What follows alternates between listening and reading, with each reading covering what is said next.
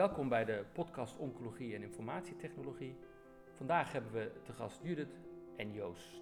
Judith doet de coördinatie bij het huisvestigingsvraagstuk en is projectleider bij de divisie Polyklinieken in Amsterdam UMC. Maar vandaag vooral te gast vanwege haar ervaring als patiënt in eigen ziekenhuis met lymfeklierkanker. Dat heeft ze weergegeven in haar boek De Witte Muur van Judith Weda. Ook de gast Joost. Joost werkt ook bij Amsterdam UMC op het gebied van kwaliteitscontrole van klinisch onderzoek en is projectmanager bij onderzoek naar de ziekte van Lyme. Maar vandaag te gast vanwege zijn rol als mantelzorger en tevens partner van Judith. Welkom Judith en Joost. Dankjewel. Om te beginnen altijd, inmiddels wel gewend, een makkelijke vraag. Waar zijn jullie geboren? Judith. Uh, ik ben geboren in Deventer. En Joost? Ik ben geboren in Zwolle. Nou, dat is uh, dicht bij elkaar in de buurt aan het, uh, het oosten van het land. Ja. En waar zijn jullie opgeleid? En tot wat? Ik ben opgeleid in Nijmegen, in de Radboud, in de Radboud Universiteit, als medisch bioloog. En ik heb ook in Nijmegen gestudeerd en heb daar biomedische wetenschappen gedaan. Leuk. Dus de medische en wetenschappelijke kant van de ziekenhuiswereld. Ja. En nu natuurlijk de nou ja, licht voorspelde vraag van hoe kom je terecht in de oncologische zorgketen? Voor mij was dat helaas als patiënt. Uh, ik heb eind 2018 de diagnose Hodgkin, dus lymfeklierkanker gekregen. En moest daarvoor behandeld worden in, uh, op locatie VUMC, dus in het ziekenhuis waar ik zelf al werkzaam was op dat moment. En voor jou Joost? Ja, voor mij als, als, als partner van Judith, uh, dus als mantelzorger, ben ik daarmee in aanraking gekomen. En weet je nog het moment dat je denkt van, nu ben ik echt mantelzorger? Nee, dat moment is niet er is geen klik afgegaan waarop ik dat op een gegeven moment dacht. Maar toen ik uh, nou ja, de zoveelste kotsbak uh, door de wc aan het doorspoelen was, dan wist je wel dat het uh, traject begonnen was. Ja. ja. In het boek komt het ook heel duidelijk naar voren van op een gegeven moment zie je, oh, nu moet ik het overnemen. dus dat was wel, nou ja, ja indrukwekkend beschreven. Maar op dat moment ben je niet aan het beseffen, oh, nu ben ik een, een mantelzorger. je, je wil gewoon je geliefde zo goed mogelijk bijstaan en helpen. Uh, dus die rol pak je dan op en later besef je, oh ja, ik ben wel, wel fulltime mantelzorger. Um, ja, en probeer je ook goed door, door het ziekteproces te ondersteunen en te helpen waar kan. Ja, vaak met name is het natuurlijk gewoon overleven op een gegeven moment. Exact, ja. ja, ja. ja. En vanuit de, de, de, podcast gaat natuurlijk over informatietechnologieën, dus dat is natuurlijk een interessant onderwerp die van verschillende ooghoeken wordt bekeken. En als jullie daarnaar kijken, van je hebt het proces meegemaakt, wat verbaast je nou het meest als je kijkt naar informatieuitwisseling in, uh, nou ja, voor jou als rol als patiënt of jou als mantelzorger? Voor mij zat het heel erg in de diagnosefase, omdat je dan nog niet één aanspreekpunt hebt. En ik merkte dat ik heel erg van huisarts naar internist, terug naar de huisarts, uh, weer naar het ziekenhuis, naar de volgende specialist werd, werd gestuurd. En uh, daar werd nog wel eens wat vergeten mee te geven in de informatie. Waardoor ik in die fase in eerste instantie dacht, nou het zou allemaal wel loslopen. En eigenlijk geen idee had wat me te wachten stond. En op een gegeven moment soms wel op vervelende manieren erachter kwam dat, het, dat de uh, gedachte uh, niet zo goed was. misschien als voorbeeld, ik werd naar de chirurg gestuurd omdat ik een, ik had opgezette klieren in mijn hals. En ze wilden daarvan even verwijderen voor de diagnose. Um, en er was tegen mij gezegd, je moet even naar de chirurg, routenummer meegegeven. Um, maar ik werkte op dat moment met name op locatie AMC, dus dat routenummer, dat zei me nog niet zoveel. En Joost die vroeg een paar keer, moet ik echt niet met je mee naar het ziekenhuis? Nee joh, ik hoef alleen even naar de chirurg, die voelt aan die bult en dan kan weer naar huis. Uh, en toen kwam ik in het ziekenhuis en toen keek ik naar het routenummer en toen bleek het om de oncologische chirurgie te gaan. Toen was ze alleen het woord even vergeten te vermelden naar mij. En zat ik vervolgens dus op de oncologieafdeling in mijn eentje. En dat is natuurlijk vanuit het ziekenhuis gezien een heel klein iets, één woord wat ze zijn vergeten, wat voor mij de wereld, een wereld van verschil maakte. Uh, dus daarin zag ik wel vaak van, oh, ik heb niet één aanspreekpersoon die mij door dit proces helpt. Het was steeds een beetje zoeken van waar haal je dan je informatie vandaan. Als je een vraag hebt, bij wie moet je dan zijn? Uh, en dat is wel heel ingewikkeld als patiënt, zeker als je nog niet weet waar je aan toe bent. Wat je zegt, uh, Judith, is dus met name aan de diagnosekant. later had je volgens mij wel een aanspreekpunt die Ja. redelijk goed werkt. Hè? Dat komt in het boek ook mooi naar voren. Ja. Maar aan de diagnosekant, waar nog niemand weet hoe en wat, daar zeggen van, ja, dat is eigenlijk één grote puddinggelei en ik heb geen idee wat er gebeurt. Ja, daar was ik wel behoorlijk lost. Terwijl ik dus zelfs in het ziekenhuis werk en eh, het systeem enigszins ken en mensen daar ken. En dan nog had ik het idee dat ik eigenlijk niet wist waar ik, eh, waar ik moest zijn. Ja, dat is inderdaad, eh, zeker als je vecht met de diagnose die je potentieel Ja. gaat krijgen, heeft Ja. het ook nog extra impact op, eh, op dat gebeuren. En voor jou Joost, wat verbaast jij het meest op het gebied van eh, informatieverstrekking, uitwisseling? Nou, twee, tweeledig. Iets, iets wat nog steeds eigenlijk speelt, is dat ehm, je dit brieven krijgt voor een controle of nog voor een eh, herhaling van een bepaalde test. Ehm, terwijl ze al lang heeft aangegeven dat, dat ze die graag digitaal wil ontvangen. Ehm, dus ik kan me goed voorstellen als je die brief krijgt en je bent minder onderlegd in het hele ziekenhuiswezen, dat je denkt dat dat je nieuwe afspraak is, terwijl je al lang weer een andere afspraak hebt. Dus die verwarring, dat verbaast me nog steeds. Tijdens het ziekteproces was het ehm, dat jullie de- mee aan een, eh, nou ja, een klinische studie. Nou, dat was destijds ook mijn vakgebied, dus ik wist er wel het een en ander van. Maar daar zat ook een ingewikkeld medicijnschema aan vast. Ehm nou, pillen op moment 1, infuus op dag 2, 3, et cetera. En het was eigenlijk niet heel duidelijk voor mij op dat moment, of ik denk voor ons, hoe dat proces precies ging. Dus ik ben maar achter mijn computer gekropen en ik heb daar een mooie, mooie kleurrijke Excel van gemaakt, zodat je precies wist waar je aan toe was. En tegelijkertijd ging dan ook het belletje dat, nou ja, ik kan een protocol lezen, ik, ik, ik snap wat op welk moment moest worden gegeven en toegediend. Maar als je daar niet toe in staat bent, hoe, hoe, hoe loopt dit proces dan? En tegelijkertijd weet je ook dat het gemiddeld gezien, denk ik, ook altijd wel goed gaat. Ehm, maar wij hadden dat gevoel niet op dat moment. En we probeerden daar toch een beetje nou ja, een soort gevoel van grip te krijgen. Of, of zelfbeschikking, dat je weet wat je op welk moment mo- moet doen tijdens, tijdens je ziekte. Ja. Dus, dus die informatieverstrekking, ehm, dat had ik niet van tevoren verwacht. Nee, dan vond je gewoon matig, terwijl je denkt van in het ziekenhuis weten ze ook van wat ze moeten geven op welk moment. En dan zit het niet per se in de voorlichting, want ze hebben alles netjes verteld. Ja. Maar probeer dat maar eens te onthouden. Ja, dus we kregen wel alle informatie van het ziekenhuis. Dus de informatie werd ons overhandigd. Natuurlijk kregen we ook foldertjes mee, et cetera. Maar je hebt te maken met merknamen en stofnamen waar je direct mee te maken hebt. En hoe, hoe weet je dan ja, of, of, of alles goed gaat of niet. Dus dat was even een uitzoekklusje eh, aan het begin van, van je ziektetraject of van je behandeltraject. Ja, waarbij je ook nog erbij komt dat je... Ik werd heel misselijk, dus ik moest heel veel eh antiemetica. Ehm, maar dat verschilt dus ook weer per persoon hoeveel je daarvan mag slikken, welke middelen op welk moment. Dat was ook vooraf niet echt verteld, want ze gaan er niet per se vanuit dat je super misselijk wordt. Maar daardoor werd dat schema alleen maar ingewikkelder. En hadden dus ook niet een eh, persoonlijk schema ging het die eerste dagen daardoor best wel slecht. Eh, omdat we niet wisten wat we op welk moment eh, konden toevoegen. En dan werd de volgende dag gezegd, maar waarom heb je dit niet genomen? Toen dacht ik, ja, maar dat wisten wij helemaal niet. Eh, terwijl ik al daardoor al drie dagen inmiddels alleen maar lag over te geven en steeds verder uitdroogde. Dus ja, dat, zijn dingen. Vooraf is het misschien te veel informatie, maar als je er eenmaal in zit, dan weet je niet waar je moet zoeken. Dus dat is ook ingewikkeld, want het verschilt heel erg per patiënt. Maar wij hebben dat wel heel erg zelf moeten uitzoeken voor ons gevoel. In ieder geval die eerste paar dagen maakte dat het eh, heel ingewikkeld. Nou ja, en het probleem zit hier natuurlijk ook in dat je niet. Zij zeggen dan vraag erom, maar je weet helemaal niet dat je zou kunnen vragen. Precies. Hè, dus dat is natuurlijk. Dat ingewikkelde hierin. En die schema's, eh, als je die moet bouwen. Ik ben hier inderdaad betrokken geweest om die in te richten. Die zijn echt gigantisch complexe schema's die je krijgt. Dus de, de uitdaging, denk ik, die u terecht zeggen: van hoe, hoe communiceer ik dat nou naar een patiënt die er wat mee kan?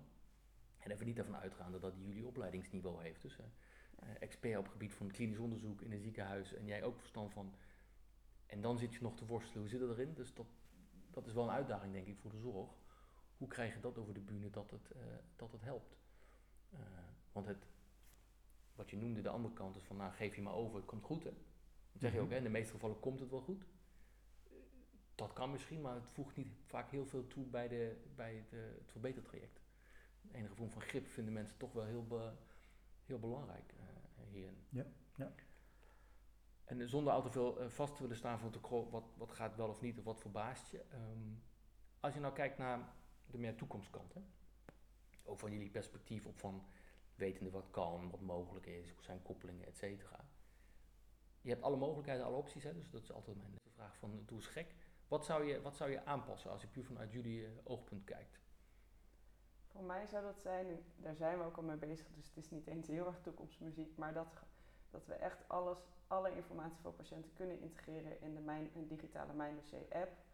Um, dat als ik zeg dat ik het digitaal wil ontvangen, dat ik niet ook nog vijf keer een brief op de mat krijg, maar dat het gewoon allemaal digitaal gaat, dat daar in mijn afspraken staat, maar ook bijvoorbeeld je medicatieschema wordt toegevoegd. Misschien wel een melding krijgt van, hé, hey, nu moet je deze pil nemen, nu moet je zoveel van dat nemen. Um, en, uh, en je afspraken daar dus in, dat je eigenlijk alles in één overzicht hebt met ook nog aanvullende informatie. Misschien over je ziektebeeld of over de bijwerkingen. Dat je gewoon aan kunt klikken van oké, ik gebruik nu dit middel en ik heb opeens last hiervan. Dat dat allemaal bij elkaar staat, waardoor je als patiënt, waar ik dus heel veel behoefte aan had, echt die regie kunt pakken en het gevoel hebt van oh, ik heb een, een, in ieder geval een beetje grip op de zaak. Je hebt geen grip op dat je de ziekte krijgt, maar in ieder geval op ja, in het helpen dat het beter wordt door de juiste medicatie op het juiste moment te kunnen nemen. Ja, en dan, dan zeg je dus ook in de toekomst, dat is natuurlijk lastig in te richten, ook uh, op maat. Ja. Dus als ik dit neem, dan hoef ik niet de bijwerking te weten van 28 andere middelen, Precies. maar van dat, die combinatie die ik nu heb. Ja. En dat krijgen op brieven natuurlijk niet voor elkaar. Nu krijgen al die, um, al die informatiebrieven waar dan alles in moet staan. Wat je Ja. zoekt dan vaak net niet, hè? En de combinatie van, en dan, Ja. nou ja, oké. Interessant. En Joost, en jij? Ja, ik ben het helemaal mee eens wat, wat er genoemd is, maar dat is natuurlijk niet leuk voor de luisteraars. Dus ik zit te denken aan het, aan het andere proces en dat is misschien dat er een aanspreekpunt is om, om de, de praktische slash juridische zaken te regelen. Van zit je nog bij de juiste zorgverzekeraar? Ehm, hoe sta je eh, qua arbeidsrecht ja, in, in het spel, zeg maar, in de wedstrijd? Van je moet je gaan ziek melden, hoe lang mag je je ziek melden, welke financiële gevolgen heeft het? Hoe zit het eventueel voor, voor je mantelzorger? Heeft die genoeg tijd of krijgt die persoon genoeg tijd en ruimte om, om de rol van mantelzorg op te pakken? Of moet een opa of oma of een, of een ouder of een buurvrouw ingeschakeld worden? Dat zijn dingen die je tijdens het proces ehm, ja, noodgedwongen zelf moet uitzoeken omdat het, omdat het je overkomt. Als dat een aanvullend iets zou kunnen zijn, al dan niet met een researchverpleegkundige of met wie dan ook, dan zou dat denk ik wel een toegevoegde waarde voor de zorg zijn. En dan heb ik er nog wel een aanvullend Ja, daarop. Want ook als je klaar bent met je ziektetraject, dat vond ik ook wel heel opvallend. Op een gegeven moment, na een aantal maanden behandeling, hoorde ik dat ik schoon was, wat natuurlijk fantastisch is. En tegelijkertijd viel ik daarna voor mijn gevoel in een soort zwa- zwart gat. Want het ziekenhuis denkt, je bent klaar, je bent schoon, hartstikke goed, kom over zes weken maar weer terug. Terwijl je er iedere week eh, minimaal één keer, soms wel drie keer komt. En dan moet je het eigenlijk zelf gaan uitzoeken. Terwijl in mijn geval, voordat ik aan de behandeling begon, voelde ik me eigenlijk helemaal niet ziek. Ook al had ik eh, al wel stadium 4, maar ik voelde me best wel goed. Door die behandeling voelde ik me heel slecht. Aan het eind van die behandeling voelde ik me eigenlijk slechter dan ooit. Ik was helemaal afgetakeld door die chemo. Dus dan moet je weer helemaal gaan opbouwen. Dus dat traject is helemaal niet klaar als je klaar bent in het ziekenhuis. En hoe doe je dat dan? Hoe zorg je voor de juiste mentale ondersteuning, voor de fysieke ondersteuning? Hoe bouw je dat allemaal weer op? Ook dat is best wel een zoektocht. Waarin wij dan ook weer degene waren die dat allemaal best wel zelf konden uitzoeken. Maar natuurlijk heel veel mensen zijn die dat misschien niet goed kunnen. Dus ook daar wil je eigenlijk een soort vraagbaak voor hebben. Misschien is het diezelfde persoon als die Joost net noemt, die je ook daarna op weg helpt. Van, nou, je kunt hier naar een oncologisch fysiotherapeut, je kunt daar naar een psycholoog. Je kunt hier gaan praten over hoe je je werk weer moet opstarten. Noem maar op. Ja, nee, dat, wel, dat zie je trouwens wel vaker in, in, in de zorg. Hè. Dat is eh, een, een interessante trouwens, de hele zorgsector. Ziekenhuis is om je beter te maken. En de vraag is, wat, wat is dat punt van beter? Ja. Is dat van, ik werk weer of ik, heb, ik ben schoon? Hè? Want het idee van, ik ben schoon, hè? dus iedereen denkt, oh, je bent wel beter. En nu moet ik verkopen, eh, nee, ik ben schoon, maar nog niet beter. Dus Nee. nu moet ik echt nog weer aan herstel eh, werken. En dan zie je het ook met allerlei regioketens en, en samenwerking. Wat dus de informatievoorziening nog wel interessanter wordt. Wat krijgt de volgende in de lijn te horen van jou? Wat je hebt gehad zonder weer opnieuw alle vragen te moeten stellen. En je denkt van, goh, ik heb het al 20.000 keer verteld. Ik snap eindelijk van, dit was mijn verhaal. Ik hoef niet de dossiers in te leveren, noem maar op. Ja, nee, een, hele, een heel goed punt, denk ik. En Daar zit natuurlijk gelijk de, de, de tweede kant aan, hè, van goh, wat is een eerste stap? Hè? Je noemde het al, jullie zijn bezig om de digitale kant eh, op te doen. Jij maakt jouw toekomstplan ook zo concreet dat het, nou ja, dat klinkt als een eerste stap zou je kunnen zeggen. Hè? Van, Mhm. Neem iemand aan die dat, eh, die, dat, die dat doet. Hebben we nog andere ideeën waar je zegt van, dat is een heel klein dingetje. Dat als je dat zo fixt, dan eh, is het effect al super groot. Ja, ik denk dat het aanspreekpunt, eh, nou misschien het aanspreekpunt vanaf het begin van je diagnosetraject. Dus wat ik zei, ik kreeg dat, aanspreekpunt eigenlijk toen ik een diagnose had en eenmaal bij de hematologieafdeling terecht was. Maar die twee maanden daarvoor, dat duurde natuurlijk voor mijn gevoel nog veel langer. Als je al daar start eigenlijk met een aanspreekpunt, Ja. dan help je dat denk ik in die eerste maanden ook al heel erg op weg.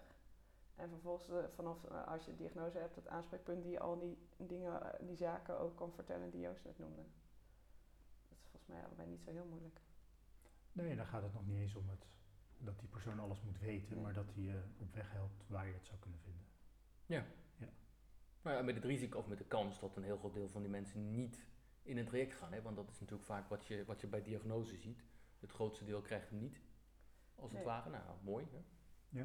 Nee, dus het hoeft niet eens misschien een oncologieverpleegkundige te zijn al, want ze weten nog helemaal niet wat het is. Nee. Maar wel dat je weet, als je een vraag hebt, bel dit nummer of misschien beter nog, chat via deze chatbot Ja. en je komt uiteindelijk bij de juiste persoon uit.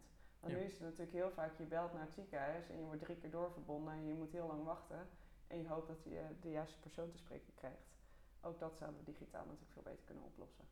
Nou ja, wat je natuurlijk wel ziet, hè, je kunt eh, de websites niet open doen van een of andere winkel waar je onder gelijk zo'n pop-up gaat van, goh, kunnen we het chatten of wat dan ook. Hè? Ja. Dat zie ik op de ziekenhuiswebsite nog niet, zou ik maar zeggen. Ja, dat komt op de nieuwe Amsterdam UMC website. Kijk, heel goed, dat zijn denk ik wel de goede ontwikkelingen. De vraag is natuurlijk die dan erachter zit van, ehm, dat is heel erg technisch gebonden? Ja. of op een mobiel of wat dan ook. Nou, ben jij wat jong eh, om die diagnose te krijgen, de gemiddelde leeftijd is natuurlijk veel ouder. Zie je daar een eh, bezwaar tegen of een obstakel, of zie je ook deze groep mensen dat omarmen? Nou, ik denk dat we niet moeten onderschatten dat mensen, het niet per se gaat om de oudere groep die het niet zou kunnen, eh, maar dat er gewoon een groep is die niet digitaal vaardig is. En dat heeft niet altijd alles met leeftijd te maken. Eens? Ehm, dus ik denk dat we het voor de mensen die het kunnen en graag willen goed moeten organiseren, digitaal het voor ze moeten regelen, want dat is er nu ook maar half. Dat we vooral die andere groep niet moeten vergeten.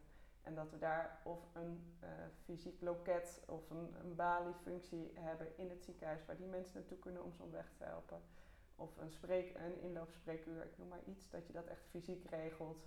Misschien wel met een tolk of wie daar dan ook bij nodig is. Maar dat voor de groep die het digitaal kan, dat je het ook goed digitaal aanbiedt. Nee, eens, want we waren laatst met een website bezig ergens, die ga je dan vertalen naar niveau 1, hè? taalniveau. Ja. De eerste obstakel die je dan had is portaal. Hoe vertaal je portaal naar niveau 1? Dat is bijna niet te doen. Want je krijgt dan deuren en openingen, maar het is een website. Nou ja, goed, Ja. eh, je kent het wel. Dus ik, ja, ik snap het, goed punt. Denk ik, die, eh, die je aangeeft. Ehm, wat ik altijd doe, hè, ik stel straks de vraag van, goh, wat stel je, welke vraag stel je aan mijn vervolggast?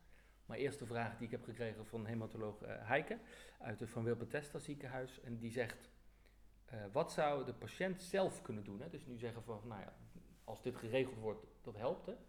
Die, zij zegt de vraag van als arts zijnde, ze heeft straks een voorbeeld van, wat zou je zelf kunnen doen om dit proces te verbeteren?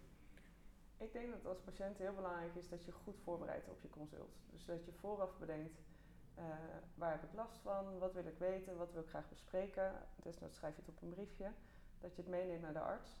Eh, want het is gewoon aangetoond dat je als je eenmaal in de spreekkamer zit, de helft van wat je wilt vragen eh, vergeet. Maar je kunt het natuurlijk wel goed voorbereiden. En daardoor help je ook die informatielaag, die informatievoorziening te verbeteren. Omdat je zelf ook weet eh, wat je, waar, nou, waar je tegenaan loopt, welke vraag je hebt. Ik denk dat, je, dat we patiënten ook echt wel mogen helpen en opleiden om een eigen rol te pakken in hun traject. Ook patiënten die dat misschien niet uit zichzelf doen, die kunnen we wel helpen dat beter zelf te doen. Uiteindelijk weet jij alleen wat jij nodig hebt en hoe jij je voelt. Ja, en dan zie je natuurlijk allerlei eh, vragenlijsten ontstaan en pijnlijsten die van tevoren komen. Als je kijkt met de ogen door informatie, eh, technologie en management, zie je nog kansen om dat te ondersteunen? Ja, ik denk dat we ook daarin vooraf een digitale vragenlijst of digitaal in mijn dossier dat je alvast invoert, dit zijn mijn vragen, ehm, dat de arts dat vooraf kan zien. Dan weet je al een beetje met welk niveau je allebei dat, eh, dat gesprek wilt starten. En hoef je al die vragen, die standaardvragen misschien, hoef je niet eens eh, meer te bespreken als je elkaar eenmaal ziet. Dat heb je dan gewoon al in je vragenlijst ingevuld of in je dossier ingevuld. Ja. Waardoor het ook echt kan gaan om de dingen die jij op dat moment belangrijk vindt. En eh, Joost, heb jij nog ide- ideeën hierover? Ben het hier ten eerste mee eens, vooral dat je het al in het dossier kan zetten. Ik weet dat sommige ziekenhuizen zijn ermee bezig dat je artsen rechtstreeks kan e-mailen. Maar ik denk niet dat dat altijd gewenst is, omdat dat gewoon aan te veel tijd kost. Maar als je die vragen kan bundelen in het dossier kan zetten en dan in je consult van nou ja, zeg een kwartier zou kunnen bespreken, dat dat een enorme eh, winst is, zowel qua ehm, ervaren kwaliteit van zorg, ja, zorgverlening, van het ontvangen van, van zorg. En de arts weet ook waar iemand staat in het proces. Want ook tijdens je proces wissel, wisselt de behoefte aan, aan informatie. Als je heel ziek bent, dan onderga je het misschien eerder, omdat je je gewoon op standje overleven staat. Maar aan het begin van het traject en aan het eind van het traject heb je weer hele andere vragen dan, dan tijdens. En als je de, ja, misschien de standaardvragen die artsen stellen, als je die daarmee kan overslaan, dan, eh, dan is dat wat mij betreft zeker een winst in de zorg. Nou ja, en, wat mij triggert daarbij is natuurlijk de hele discussie of de hele ehm, belevenis of nou, ontwikkeling van waardegedreven zorg. Hè. Daar speelt de patiënt een hele grote rol. Hoe ervaart hij zijn genezing wel of niet? Of welke, en dat is natuurlijk wel een hele mooie om die wat meer te matchen.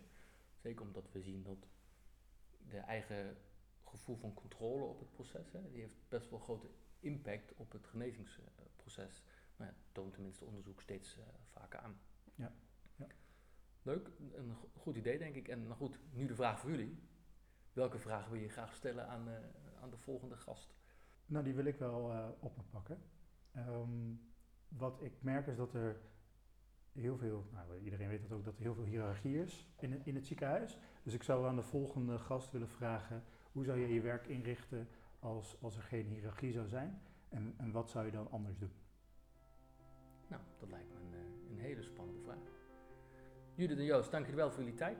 Leuk om jullie gesproken te hebben. Dankjewel. Dankjewel.